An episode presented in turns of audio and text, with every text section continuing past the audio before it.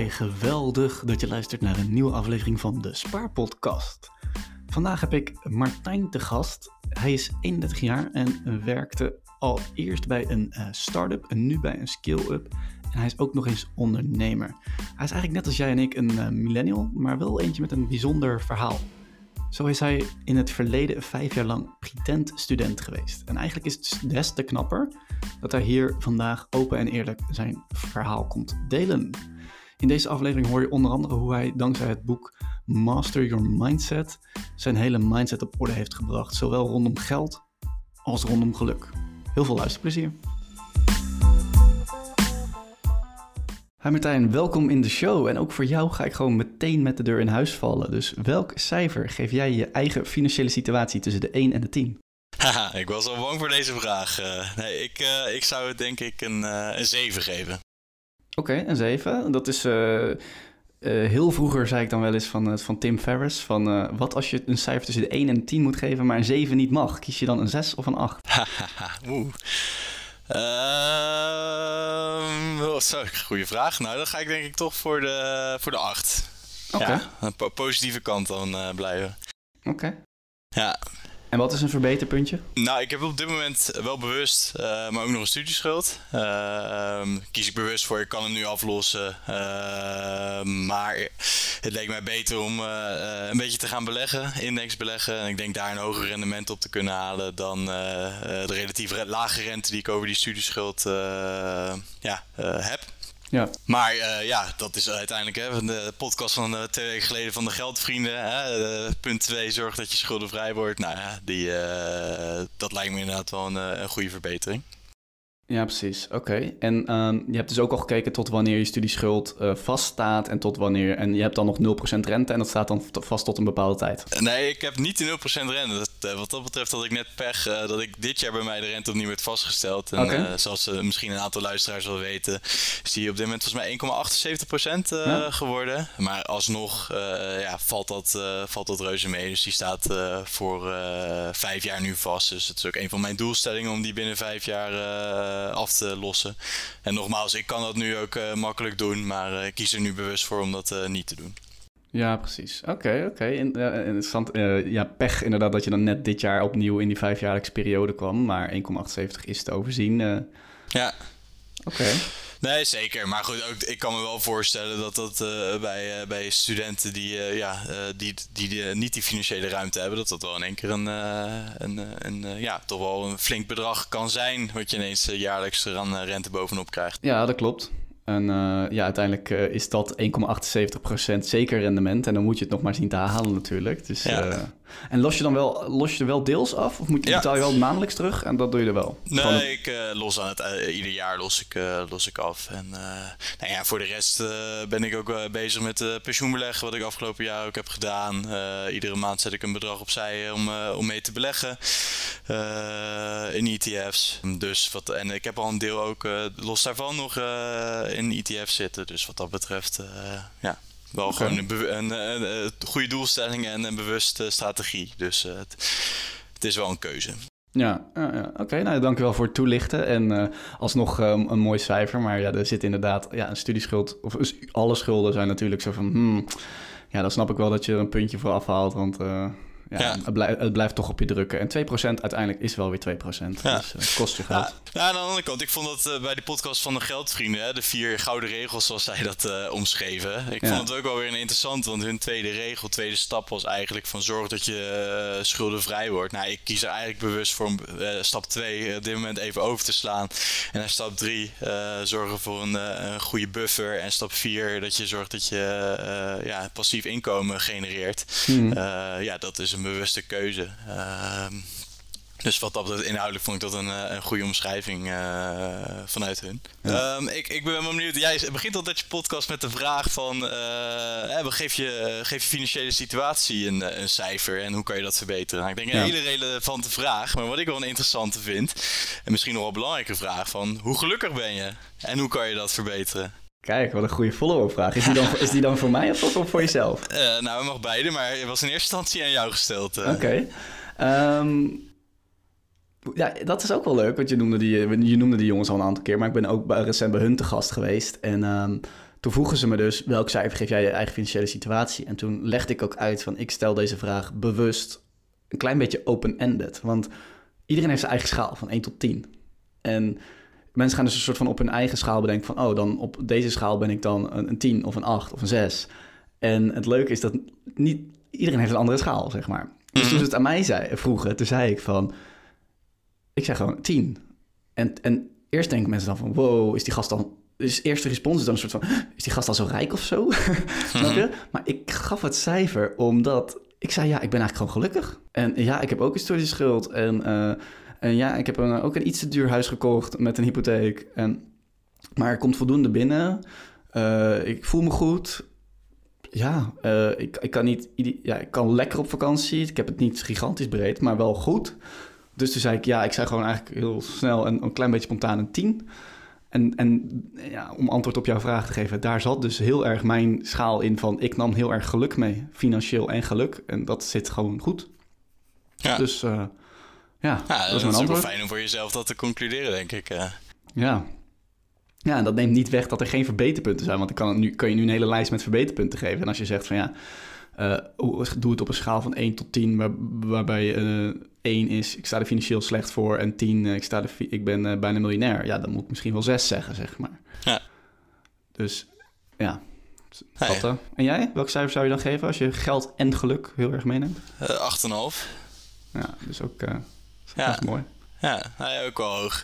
Nee, en ik vind dat, eh dat zullen we het zo ongetwijfeld straks ook nog wel over gaan hebben, maar ik vind dat een, eh, een hele relevante vraag eh, eigenlijk. En er zitten heel veel raakvlakken. Ik denk ook dat het als een rode draad door, door de spaarpodcast loopt. Dus aan de ene kant geld en financiën, aan de andere kant geluk. Er zijn heel veel raakverbanden tussen beide. Ja, Maar ja, er zijn ook mensen met heel veel geld die, die niet gelukkig zijn. En Ja. er zijn ook mensen die, die arm zijn, maar alsnog wel gelukkig. Dus eh, het is niet gelijk oorzaak-gevolg. Mooi gezegd.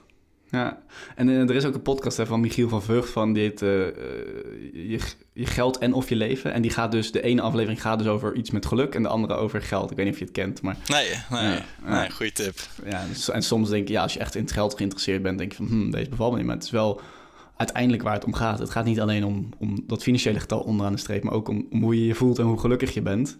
Ja. Dus eh, ja. Nou, en eh, ik, ik vind dat zelf ook. Ik zie het zelf eigenlijk als, eh, nou, als je geluk als een, eh, als een auto ziet. je zit zelf in die auto en je hebt altijd het stuur zelf in handen.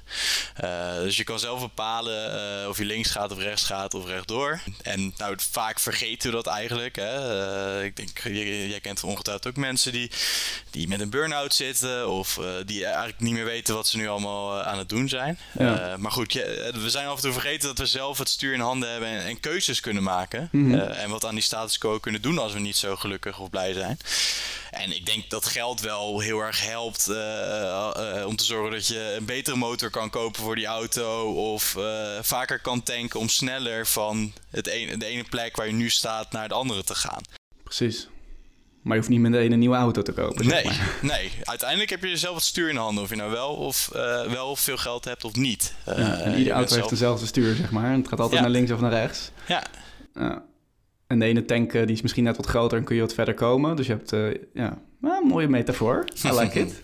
ja Thanks. mooi. En je zegt ook, het gaat dus om geluk, en over, maar ook over tijd en burn-out. En nu had ik je, heb ik je hier al eerder over gesproken, maar je hebt daar ook zelf een bepaalde visie op, waarbij je zegt van ja, ehm, eh, uiteindelijk, hè, je luistert ook vaak naar een spaatkast, gaat het dus over meer, misschien meer vrije tijd creëren of meer geluk. Maar er zit ook een keerzijde aan alleen maar vrije tijd hebben. Dus ik, ik was wel benieuwd van, ja, hoe, wat was nou je visie daar precies op?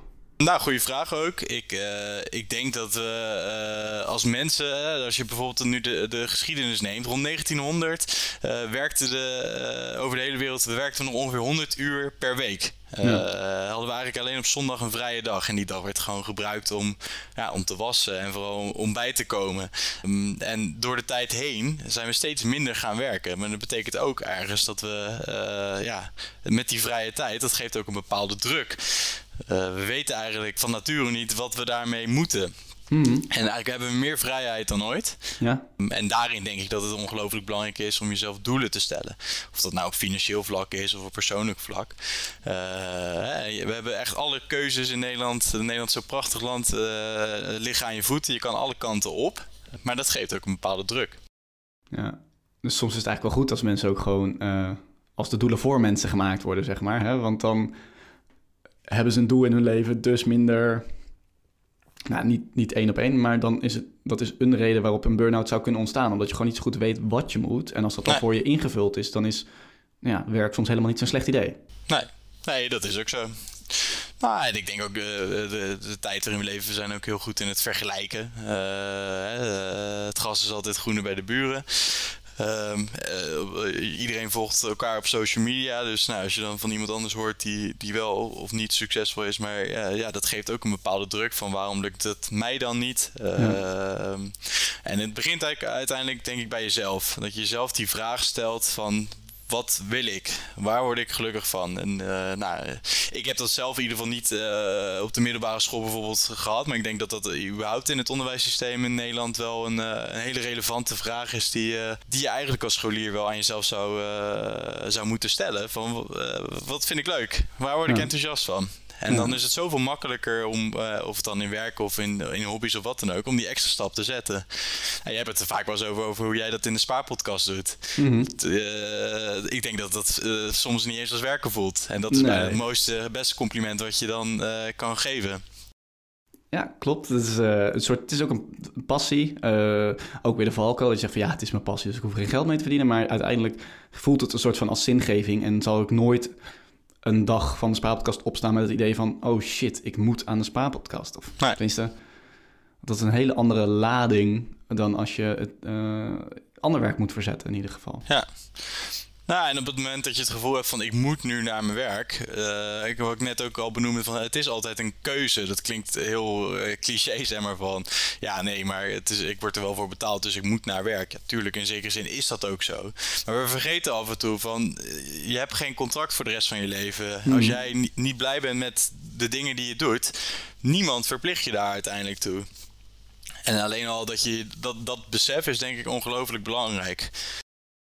Ja, ik merk dat je bent er veel mee bezig. Hè? Met, dus met doelen stellen, uh, een stukje mindset. Uh, ook met name onder andere op financieel vlak. Uh, dus ik ben wel benieuwd, is er dan, als je dat vertaalt naar iets concreets financieels of iets praktisch, is er dan iets wat jou op dit moment echt bezighoudt? Uh, zeker. Nee, ik uh, toevallig ook. Uh, want ik ben graag luisteraar van de podcast. En via deze podcast kwam ik ook op het idee van de workation. Dus dat is misschien wel een leuk voorbeeld om dat te noemen. Ik was in afgelopen januari een aantal dagen alleen in Italië. En daar heb ik wel weer even mijn doelstellingen voor de korte, lange en middellange termijn wel opgesteld. Ja. En dat is uiteindelijk ook wel. dat wil ik ieder jaar rond die tijd van het jaar gaan, gaan doen. Om gewoon weer eens even te checken van waar ben ik mee bezig? Uh, heb ik die doelen die ik had gesteld gehaald? Gaat dat in de juiste richting of uh, moet daar wat worden bijgesteld? Ja, dus je hebt echt bewust de workation uh, hij was ook relatief kort, maar je hebt hem bewust gebruikt met een bepaald doel dan op werkvlak. En met name de doelen stellen, strategisch voor jezelf. hey, waar wil ik heen? Wat wil ik met mijn bedrijf heen? En dat soort dingen. Ja, zeker. Nee, ja, het kwam er uiteindelijk... Eh, ik was toevallig ook in die vakantie een boek aan het lezen. Ik zou het alle luisteraars van harte aanbevelen. Master Your Mindset van uh, Michael. Dus dat triggerde mij wel ook heel erg om, om ja, doelen scherp te stellen. Wat daar ook wel in het boek een beetje de hoofdmoot was. het leef je mooiste leven, uh, daar gaat het eigenlijk over. En, ja, maar wel op een hele praktische manier. Dus ook inderdaad, maak die doelen concreet, spreek ze uit, zet ze op papier voor jezelf. Want dan, ja, dan kan je het eh, teruglezen en kijken of je dat kan bereiken of niet. Ja, wat is dan echt heel concreet, bijvoorbeeld een, een, een korte termijn doel van je? Of zeg, waar wil je, wat wil je over één jaar bereikt hebben? Een goede vraag. Nee, ik had over één jaar. Nee, ik pak gewoon de aantekeningen er even bij, want die heb ik hier voor me liggen. nee, ik wilde voor het einde van, uh, van dit jaar in ieder geval. Uh, ik ben net begonnen in een nieuwe baan. Wil ik de juiste ritme tussen uh, balans tussen werk en privé. En ook qua, qua vakantiedagen en dergelijke. dat dat helemaal klopt. En goed, dat, ik wil ook dat dit jaar gewoon eens aankijken hoe dat, hoe dat gaat bevallen. Ehm, en op financieel doel had ik bijvoorbeeld dat ik vanaf dit jaar iedere maand 300 euro opzij zet om in ETF's te steken. Dus dat is dan een financiële doelstelling. Oké, vet. Dankjewel voor het delen. Dankjewel. Ja.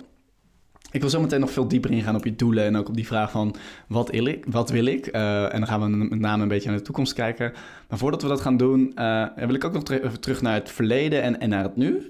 Om bij het verleden te beginnen, daar heb je uiteindelijk een, een, een heel bijzonder verhaal. Mm -hmm. je hebt, uh, nou, zoals het is een bekend begrip, je hebt een aantal jaar lang geleefd als pretend student. Spookstudent in spookstudent, ja. ja. Oké. En um, ja, dat is natuurlijk een verhaal wat niet niks is. Ik vind het super knap dat je uh, het hier wil gaan vertellen en dat we er een klein beetje over kunnen gaan hebben. We gaan het lang niet de hele show erover hebben, maar dat je het in ieder geval toelicht. Um, dus ja, kun je, kun je eigenlijk de luisteraar ook eens meenemen in het kort van wat is, daar, wat is daar gebeurd? Ja, nou, en het, uh, dat is zeker, dat ga ik zeker ook doen nu. Maar dat, heeft, dat is wel voor mij ook de belangrijkste mode waarom ik nu ook zo die geluksvraag ik zo essentieel vind. Ja. Want ik heb ook die de keerzijde meegemaakt. En daarom vind ik het ook ongelooflijk belangrijk om uh, ja, in, het, in het heden wel heel erg uh, bewust uh, te leven. Nee, maar het klopt inderdaad dat ik jarenlang pretend student of spookstudent ben geweest. Nou, ik ik weet niet of de luisteraars mensen kennen die hetzelfde hebben meegemaakt.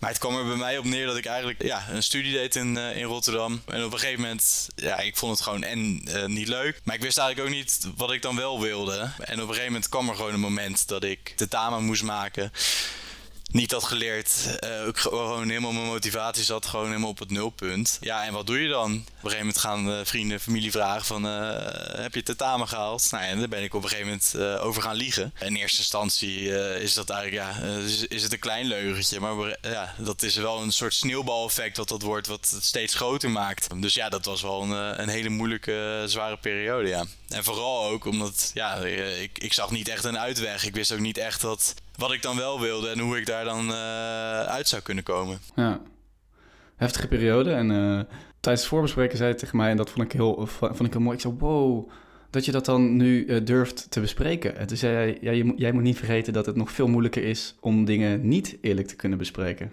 Ja.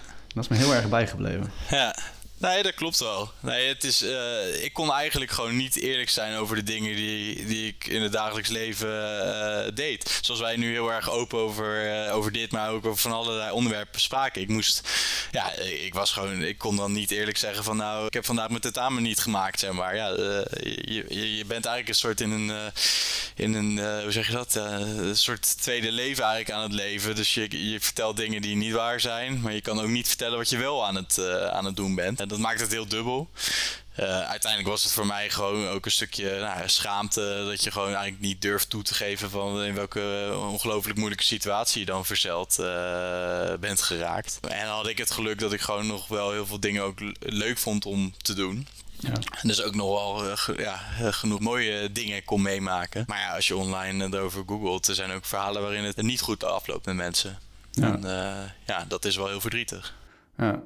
En Gelukkig ben je eruit gekomen. Ehm, en wat is, heb je daar nog uh, tips of, of adviezen van... Uh, ja, dit heeft me uiteindelijk echt geholpen om, om de knop om te zetten of om, om het ook een plekje te geven. Ja, nee, zeker. Nou, ik, ik denk sowieso, mochten er luisteraars zijn of dat je iemand kent die dit zelf heeft meegemaakt, nou, in de show notes uh, mogen die mensen altijd met mij contact over opnemen.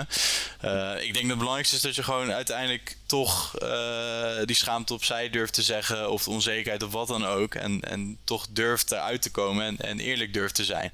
En ja, ik was bang dat ik al mijn vrienden, familie en alles wat ik had opgebouwd kwijt zou raken. Nou, ik, ik heb in ieder geval het geluk gehad dat mensen mij wat dat betreft hebben vergeven. En uh, eigenlijk super lief en behulpzaam. En uh, ja, ik vind sommige vriendschappen zelfs beter heeft gemaakt. Um, dus dat was hartstikke mooi om mee te maken. Maar er is altijd een uitweg en ook dat is een keuze. Ja. Dus dat zou ik wel uh, mensen mee willen, willen geven.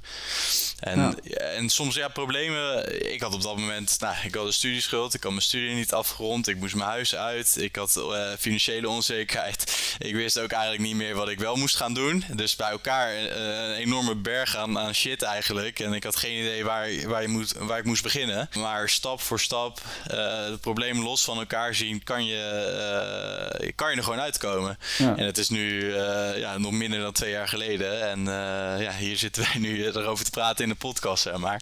Ja. Dus ja, had ik toen ook natuurlijk niet kunnen voorzien. Maar uiteindelijk is er altijd wel een, een, een mogelijkheid. En, en ook durf, ja, durf om hulp te vragen.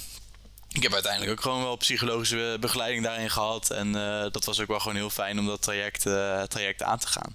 Ja. Maar er is op allerlei manieren altijd hulp te krijgen. Dus alleen ja, je, je moet zelf die drempel over durven stappen om, uh, ja, om daarvoor open te staan. Mooi gezegd. En het geeft, het geeft, het geeft ook hoop natuurlijk, het verhaal van uh, ja, hoe, dat de situatie kan heel slecht zijn, maar je bent er wel uitgekomen. En ja, en, uh, fijn ook dat je hulp aanbiedt aan mensen die eventueel uh, net zijn begonnen met een, sneeuwbaleffect. En ja, en je zegt ook van ja, het is pas twee jaar geleden. Dus eigenlijk des te knapper en een mooier bruggetje om naar het, om naar het nu te gaan. Want je hebt gewerkt bij een bedrijf gespecialiseerd in vloeren. Daar zat je onder andere in met een deel van je, nou ja, wat is toch zeg maar een lager salaris voor uiteindelijk resultaat. Tegenwoordig uh, werk je bij een andere start-up, een innovatieve start-up met een, een soort van rolstoelen, begreep ik. Mhm, en je hebt ook nog een eigen onderneming. Dus kun je iets meer vertellen over wat je financiële situatie nu is en wat je precies doet? Zeker. Nou, ik had eigenlijk in die pretend studentenperiode had ik al mijn eigen bedrijfje opgericht.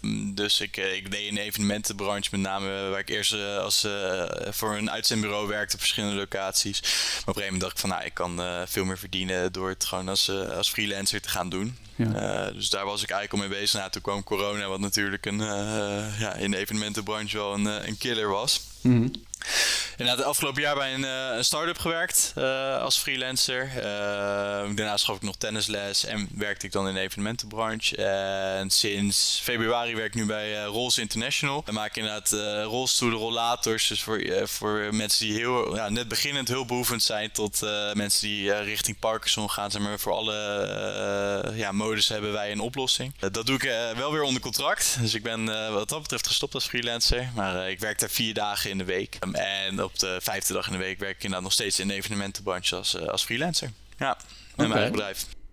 Cool, cool. En wat kun je dan vertellen over, over je inkomsten en uitgaven op dit moment? Ja, ik, ik denk dat daar die balans echt uh, heel, heel goed is. Dus daar ben ik ook heel erg uh, blij mee. Uh, nou ja, weer de geldvrienden, dat was de eerste stap. Zorg dat, je, dat er een positieve balans is tussen wat er inkomt en wat er uitgaat. Ja. Nou, ik denk heel bewust wel met mijn kosten dat die gewoon laag zijn. Ik heb een hele fijne, relatief goedkope huurwoning in, in het centrum van Rotterdam. Dus dat is denk ik wel een hele belangrijke ja, kostenpost voor veel mensen. Of het dan hypotheek of, of huur is. Dus uh, nou, ik, ik zal niet zo zeggen dat ik met mijn potjes zo ver ga als jij gaat. Maar uh, nee, ik ben wel heel bewust van wat ik ongeveer aan vaste lasten heb. En nou, gewoon nu, nu een mooi salaris bij Rolls. Ehm, en daarnaast, ja, relatief als ondernemer blijft er gewoon qua percentage wel onderaan de streep meer over. Dus dat is ook wel een, een fijne inkomstenbron. Oké, en kun je Kun je iets vertellen dan over, oké, dus het salaris komt binnen en je zegt, ik heb niet zoveel potjes als jij, maar wat gebeurt er ongeveer? Er gaat 300 euro dan naar die belegging, is in ieder geval het doel. En, en zijn er nog andere potjes of dingen waar het heen gaat, naast je huur? Nou ja, dus uh, een stukje reserveren voor pensioen. Wat ik eigenlijk altijd doe, en dat deed ik ook toen ik het fulltime als ondernemer deed, was uh, eh, 50% van wat, uh, wat er binnenkomt aan omzet maak ik gewoon naar mijn privérekening over. De rest laat ik staan op mijn zakelijke rekening. Uiteindelijk netto betaal je, ja, dat, zal, dat wisselt per situatie, maar dat zal denk ik ergens tussen de 10 en de 40% zijn. Een beetje afhankelijk van je aftrekpost als ondernemer. Nou, aan het eind van het jaar doe je je belastingaangifte en dan dat resterende bedrag wat dan overblijft, dat maakte ik dan naar een eh, een spaarrekening of gewoon naar mijn privérekening uh, over. Ehm, ik ben nu ook, wel ook weer financiële doelstelling. Ik wil voor mijn 40 een half jaar minimaal uh, gaan reizen. Of in ieder geval sabbatical nemen. Dus daar zet ik nu ook wel gewoon wat er dan bijvoorbeeld uit mijn onderneming overblijft aan het eind van het jaar. Zet ik daar voor weg. Ja. En je bent nu hoe oud? Ik ben nu 31. 31, oké, dus je hebt nog 9 jaar. Oké. Ja. Dus dat is een mooi financieel doel. Oké, okay, nou, dankjewel. Dus in, zoals ik het goed begrijp, er komt, komt geld binnen, uh, zowel salaris als onderneming. Uit je onderneming uh, doe je 50% in ieder geval naar je persoonlijk. En vanaf je persoonlijk maak je daar weer potjes voor. Onder andere je aandelen, uh, je pensioen um, en, en een reis dus, een lange reis. Ja, Nou, en trouwens, dat is misschien nog wel een, een leuk, ook een grappige, over budgettering gesproken. Uh, in die periode dat ik pretend-student was, uh, ja. ja, er kwam niet heel veel binnen. Het was geen vetpot. Dus uh, in die periode moest ik bijna wel, ook om te voorkomen dat mensen achter mijn situatie kwamen, wel gewoon heel erg goed budgetteren. En eigenlijk vanuit een totaal bijzondere inhoek, inslag, zeg maar, dat je, dat je daar heel erg op moet letten. Ja. Maar als ik dan op wintersport wilde bijvoorbeeld, ja, dan moest ik wel echt een paar maanden van tevoren daarvoor gaan uh, geld opzij zetten en zorgen dat, uh, dat er ook nog ergens wat geld voor wat biertjes over was, zeg maar. Dus uh, ik was het wat dat betreft wel gewend ook om met wat minder geld wel gewoon heel bewust ja, je, je uitgaven te kunnen doen, zeg maar. Ja, dat is wel een bijzondere manier om het te leren. Ja. maar daardoor Zou niet iedereen aanbevelen, maar nou ja, um, misschien zou het voor sommige mensen goed zijn om in ieder geval op die manier te budgetteren. Dan de reden kunnen ze weglaten, maar um, dan leer je wel echt hoe het is om uh, ook van een, met een lager inkomen heel goed te budgetteren. En als je dat dan vervolgens vasthoudt als je inkomen groeit, ja, dan ja. Uh, kun je dus inderdaad wel die wereldreis gaan boeken binnen een paar jaar. Ja, nee, zeker. Nee, het, is ook, het is ook uiteindelijk een stukje bewustwording. Ik denk dat dat ook wel de, door, je, door de podcast uiteindelijk wel loopt uh, van jou. Hè, dat, je, uh, dat je bewust bent van je keuzes, uh, van je uitgaven, van je inkomsten. en dat het je niet als het ware overkomt. Dat er ineens die rekening van de gemeentelijke belastingen iedere januari binnenkomt. Die denkt, oh shit, ik heb nu een probleem. Ja, je kan hem ook gedeeld door 12 doen en hem spreiden over een periode. Ja, en ja, als je dat jaar weer hebt, of, ja. ja, dan krijg je ieder jaar weer dat gevoel van... oh, oh balen, deze maand gaat niet goed. En als je, ja. uh, wat gaat er gebeuren als jij denkt het gaat financieel niet goed? Ja, dan kom je weer in zo'n in zo'n downward spiral van... oh, dit gaat niet goed. En dan komt de week daarna komt de tandartsrekening... en dan die creditcard. Dus hoe meer je ja. Ja, dat kan voorspellen of budgetteren... hoe beter je voelt. En hoe beter je voelt, hoe betere keuzes je gaat maken. Ja, dus nee, zeker. En het gekke is dat uh, op de ene manier ook heel veel mensen denken... Oh, financiën, daar heb ik geen zin in. Ja. Maar uh, terwijl je op werk, als je een bepaald budget krijgt... Dan, dan zorgen dat je dat binnen dat budget doet. Maar over je persoonlijke financiën is daar af en toe toch... Mensen hebben heel erg moeite om daar uh, over in control te komen of zo. Terwijl, ja, we gaan, nog ja. liever, we gaan nog liever hebben over onze relatie en ons seksleven met onze collega's... dan dat we het over onze financiën gaan hebben. Ja, zeker. Ja. Dat is toch nou, ik ben blij dat we dat hier in de podcast niet gaan bespreken. Maar ik mag ook, hè, alles, alle vragen. er wordt een heel ander type podcast dan, denk ik. podcast gaan we ja, ineens. Ja, ja. Nee, ja. af, Robin. Nou, sorry, mijn schuld. Ja. Oké, okay, um, nou ja, dan, dan denk ik dat we gewoon ook wel weer door kunnen pakken naar... Uh, oh nee, voordat we naar de toekomst gaan, uh, toch nog heel even over, de, over, de, over dat ondernemende. Mm -hmm. nou, is, is dat dan uiteindelijk waar je passie wel weer ligt? Of uh, wil je echt uiteindelijk iets in de... Het is eigenlijk, een, het is eigenlijk ook een toekomstvraag, toch wel? Ja. Dus het is gewoon wel het bruggetje naar de toekomst. Ja. Maar specifiek over het ondernemende. Waar ligt dan je toekomst op het gebied van ondernemen in, in, in de evenementenbranche? Ja, nou, evenementenbranche, uh, dat is denk ik iets wat ik niet op de, echt zeg maar, tot de hele lange, lange termijn wil doen. Dat is gewoon, uh, uh, gewoon een hele leuke opdrachtgever nu, waar ik gewoon met veel plezier werk. Ik werk nu inderdaad 32 uur, vier dagen in de week weer onder contract. En mijn doel is uiteindelijk om rond mijn 40ste als business coach weer als freelancer aan de slag te gaan. En daarin het begeleiden van start-ups en skill-ups te gaan doen. nou, vorig jaar een jaar ervaring als start-up op, in een start-up opgedaan. Ik ben nu bij een skill-up. We zijn net een stukje groter uh, begonnen. Uh, ik vind het zelf heel erg belangrijk om daar gewoon eerst een x aantal jaren vlieguren te maken. alles om je heen te zien gebeuren, te leren. En dan weet je ook waar je het over hebt. Ja. Maar het lijkt me uiteindelijk heel erg leuk om, om mensen te begeleiden, persoonlijk, maar ook met hun bedrijf. Van, uh, waar we het eigenlijk nu ook over hebben, doelen stellen. En wat, wat mij daarin heel heeft, erg heeft getriggerd, uh, sowieso een aanbeveling voor iedere ondernemer.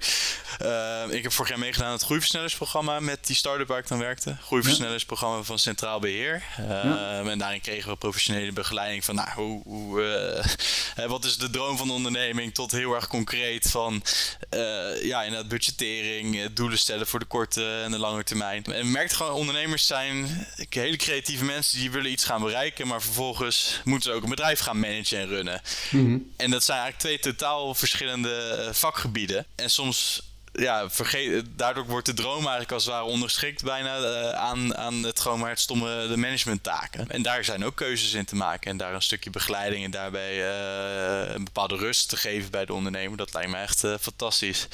Dat is wel iets waar ik vorig jaar al heel erg enthousiast over werd. gewoon in groepsgesprekken met andere ondernemers.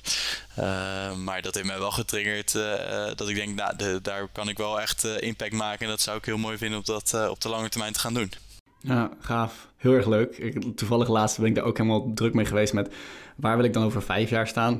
Nou, het is over negen jaar, maar dat helpt me heel erg. En ik, ik weet niet of jij dat ook er zo ervaart, dus dat is wel leuk om te verifiëren. Maar dat, doordat je dat zo helder hebt, uh, weersta je ook andere afleidingen of verleidingen makkelijker. Dus je, je bent je bewust van, oké, daar wil ik over negen jaar staan. Dat betekent dat ik nu vlieguren moet maken, dus dat ben ik aan het doen. Dat betekent ook dat ik het ondernemerswerk, dus ik heb mijn eigen onderneming. Maar dat betekent ook als er dan een andere verleiding komt, dat ik makkelijker weet van hé, hey, maar dat draagt niet echt bij aan waar ik over negen jaar wil staan. Ervaar, ervaar je dat ook zo? Ja, je omschrijft het denk ik echt heel goed. Nee, door gewoon uh, een bepaalde stip aan de horizon voor jezelf te zetten, daarin een belangrijke keuze te maken, dan worden alle andere keuzes die vervolgens op je pad komen, worden heel makkelijk. Want je weet waar je naartoe wil. Ja. Uh, je weet wat je wil gaan, uh, gaan doen. Ehm, dat was ook echt in een goede, in versnellers de eerste vraag, de eerste module van wat is de droom? Wat, is, wat wil je bereiken? Nou, en als je eenmaal dat doel hebt neergezet, dan worden alle stapjes daar naartoe. Dat is gewoon een kwestie van invullen.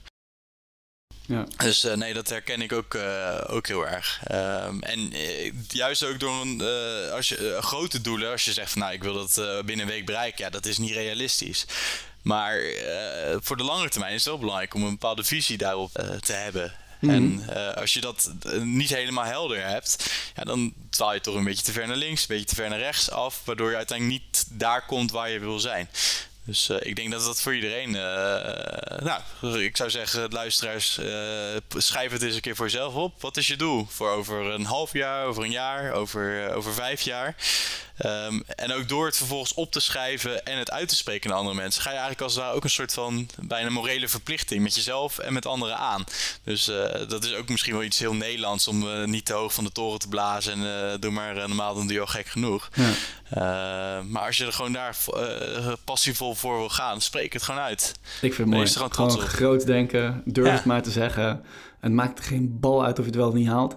Maar gewoon dat er een stukje ambitie in zit, vind ik echt super gaaf. ja, nee, zeker. Dat, uh, dat vind ik ook altijd heel inspirerend om andere mensen zo uh, te horen spreken, ja. Ja, oké. Okay. Nou, je zei, nou, ik, ik heb eigenlijk al meer als teaser uh, aan, gezegd van aan het begin, ik kom nog even terug op de vraag wat wil ik, maar ondertussen heb ik al heel veel dingen geleerd. Dus je onder andere uh, nog een grote reis maken. Je wil mhm. onder andere naar die kant op als business coach in de toekomst.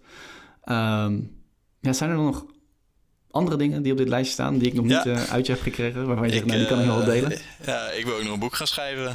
Oké, waarom? Ja.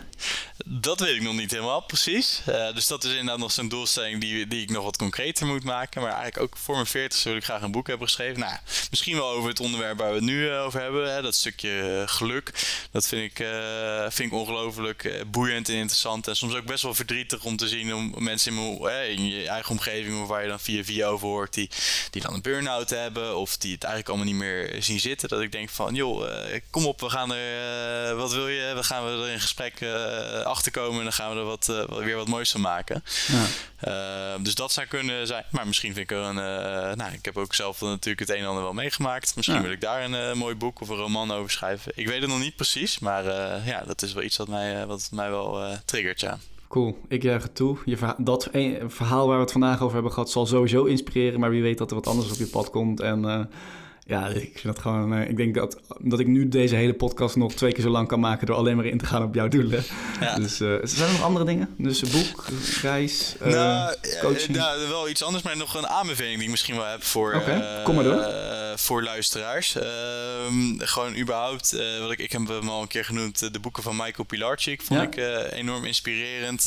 dus als je denkt van, nou, leuk allemaal dit in de podcast, maar ja, daar kan je denk ik in, in die boeken heel veel mooie inspirerende verhalen over lezen. en wat ik zelf nog een hele goede vond, is via het, ik weet niet of je dat kent, Coursera, ja, het platform. Ja. ja. dus dat is een online platform waar eigenlijk studies gratis worden aangeboden. dat gaat echt van Spaans tot, tot aardeskunde of noem het maar op. Je Google mhm. of je typt een zoekterm in en het, het rolt er gewoon uit. En ik heb daar toen aan de Yale University de Science of Wellbeing gedaan. Oké. Um, en dat uh, klein stukje achtergrond, dat gaan we heel erg dwalen weer af. Maar dat was aan de Yale University, aan de psychologieafdeling. En uh, de docent daar merkte gewoon met studenten die aan Yale studeren kunnen overal werken. Die kunnen echt eh, bij Google of weet ik veel wat. Die hebben de mooiste baanmogelijkheden. Uh, je, je, noemt het maar op. Maar uh, relatief ongelukkig, die studenten. Uh, nou, en toen dacht een docent daarvan, nou, dat is wel heel, heel bijzonder eigenlijk. Dus je, hebt, je hebt alles, hè, alle mogelijkheden, maar toch ben je ongelukkig. Dus die is vervolgens een vak gaan ontwikkelen. Waar, eh, de science of well-being, waar eigenlijk op een wetenschappelijke manier uh, op verschillende onderwerpen is uitgelegd van wat maakt de mens nou wel en niet gelukkig. Mm -hmm. en bijvoorbeeld uh, materialisme zit daarin, gezondheid, noem het allemaal maar op. Um, maar niet met een mening verpakt, maar gewoon er is onderzoek naar gedaan, wetenschappelijk onderbouwd. Dit is wel goed voor je en dat is minder goed voor je. ik vond dat wel een heel, eh, heel boeiend, uh, boeiende studie. Echt uh, heel laid back, gewoon heel praktisch ook. Is gewoon gratis te volgen? Ja, die is gratis te volgen, ja. Oké, kijk aan. Nou ja, mooie tips. Master, of, alle boeken van Michael Pilarczyk eigenlijk, maar specifiek Master Your Mindset. En dus de Science of Wellbeing aan de Yale University op Coursera. Ja. Goed geluisterd. Ja, ja ik moet altijd even samenvatten. Ja, nou, ik vind eigenlijk dat je er gewoon jezelf ook zou moeten volgen. Dan uh, praat ik graag in een volgende podcast met jou nog een keer over wat je er zelf van hebt gevonden. Hoe lang is deze studie? Dat viel mee. Nee, uh, ik heb er, ja, dat was wel in coronatijd, maar ik denk dat ik er een uh, maand of twee over heb gedaan. En dan was het echt twee uurtjes per week of zo. Dus, en dat kan je ook helemaal in je eigen tijd doen. Er zit geen, geen, geen deadlines of druk achter. Dus dat, ja, ik vond dat, ja, Oké, ik, ga het niet, ik ga het je nog niet beloven, maar ik vind het wel een hele goede tip. Dus wie weet dat ik het ga doen. Uh, ja, nou ja, misschien terugkomen op mijn eerste antwoord. Uh, op dit moment voel ik me erg goed. Dus dan is het misschien ook minder uh, volgens het JIT-principe, just in time. Maar, je hebt al een 10. Nou ja, van 10 kun je er 12 maken. ja, kan altijd. Nou ja, en nu zeg ik al 10, maar het kan ook natuurlijk zijn dat volgende week allemaal andere dingen gebeuren. en dat het, wel, ja, dat het niet meer zo is. Hè? Dus mm -hmm. Ja, oké. Ehm, nou ja, volgens mij hebben we echt heel veel gehad. Ehm, ik ga gewoon dan nog één uh, afsluitende vraag stellen. Ehm, die heeft natuurlijk ook met de toekomst te maken. En je noemde het aan het begin al. Je, je zei, ik, uh, ik ben toch met pensioenbeleggen begonnen. Mhm. Kun je heel kort nog aanstippen als afsluiter hoe je dat nu precies aanpakt? Bijvoorbeeld zet je een bepaald percentage weg. Waar doe je dat? Gewoon om even, toch weer even dat pensioen op te rakelen bij mensen. Want het is tenslotte alweer... Dus wat is het? Uh, april alweer als we dit live zetten. Dus dan uh, gaan mensen in december er pas weer aan denken. Maar ja, ik ben toch wel benieuwd hoe jij dat fixt. nee, ik, ik doe dat via Meesman. en ik heb afgelopen twee jaar eigenlijk gewoon mijn jaarruimte gebruikt om, om dat weg te zetten bij Meesman. Oké. ik vind het een hele prettige, nou ja, volgens mij zit je er zelf ook bij met je pensioenbelegging. Gewoon een heel overzichtelijk, prettige manier van, van werken. Ehm, ik zit zelf nu ook in dat erover te denken om nog wat groter bedrag buiten dat pensioenpotje. want ja, je bent wel gebonden aan de jaarruimte om die er nog bij te zetten. Ehm, en daarnaast in dat, uh, misschien heb jij daar nog een vraag terug. Een goede aanbeveling voor wat is nou een ETF buiten? Want ik, ja, risicospreiding lijkt me wel gewoon goed om ook uh, niet alles bij dezelfde partij te zetten. Dan heb je nog een aanbeveling waar. Ik mag geen financieel advies geven. Hè? Oh, dat is waar. Oeh, ja, dat, nou, dan, maar ik kan wel een andere tip geven. Um, de verwachting is natuurlijk dat die jaar, of ik weet niet natuurlijk, de verwachting is dat die jaarruimte opgerekt gaat worden. Dus we hebben nu 13,3% van de AOW-franchises in belastingtermen wordt dat 30%. Dus waar jij, als jij zegt van nou, ik zou nog wat extra weg willen zetten, dan, dan krijg je uiteindelijk, als het goed is, vanaf volgend jaar nog meer fiscale ruimte. Dus dat is sowieso een tip die ik meegeef waarvan je zegt, nou, zou kunnen overwegen. Maar ja. zit natuurlijk alsnog uh, in de en je hebt natuurlijk binnen Meesman heb je ook verschillende ETF's, dus, uh, of obligaties. Dus daarmee kun je ook nog spreiden. Um, Ja, ja. ook dat. Ik denk ook nog een goede tip voor de luisteraars ook. Uh, ja, kijk eens op mijn pensioenoverzicht.nl. Ja. En kijk eens eventjes wat je ieder jaar... Uh, want heel veel mensen denken, ja, pensioen, dat is allemaal goed geregeld. Maar vaak heb je nog meer ruimte. Dat je nog meer uh, zelf, zelf aan de kant kan zetten. Dus verdiep je daar eens in. Dat is heel makkelijk. je hebt een paar gegevens nodig. Ik denk dat er ook wel eerdere podcasts van jou over zijn gegaan. Dus daar kunnen mensen ook ja, tip heb ik vaak gezegd. ja, nee, precies. Dus het, het is eigenlijk zonde om, om het niet te gebruiken. Het is gewoon eigenlijk eh, je kan het gewoon aftrekken van de belasting en uh, je bent bijna dief van je eigen portemonnee als je het niet doet. Kijk, dat zijn mooie woorden. Nou, met die woorden uh, wil ik ook gaan afsluiten. Um, het leuke is, op mijn website staan als het goed is, op, op het moment dat deze podcast live komen, producten weer, nieuwe producten. Dus toch een kleine pitch voor mezelf. Kom je nou echt niet uit met dat pensioenbeleggen, dan kan ik je helpen zoals je weet, het, eh, ja, zoals je weet heb ik daar ook een eh, online cursus in gehad. Maar is dat tegenwoordig gewoon veel meer één op één hulp of groepstrajecten hulp. En, uh, en Martijn, ontzettend bedankt voor het toelichten voor jouw verhaal. Um, ik ga naar jou, of tenminste, mensen kunnen jou dus toevoegen op LinkedIn. ik ga daar naar linken in de show notes voor als ze meer willen weten over hoe die periode was. Of als ze iemand anders daarmee zien struggelen. Um, je hebt het zelf in ieder geval, ja, uh, zoals je zegt, je hebt zelf uh, goed het stuur vastgepakt en je bent gaan bijsturen en kijken waar je nu staat en wat voor ja, gewoon gigantisch mooie ambities je hebt. Dus uh, ik wil je ontzettend bedanken voor, voor je openheid, voor je eerlijkheid, voor de inspiratie en ja, wie weet tot over een tijdje. Ja, bedankt dat ik in de show mocht zijn. Ik vond het en een mooi gesprek.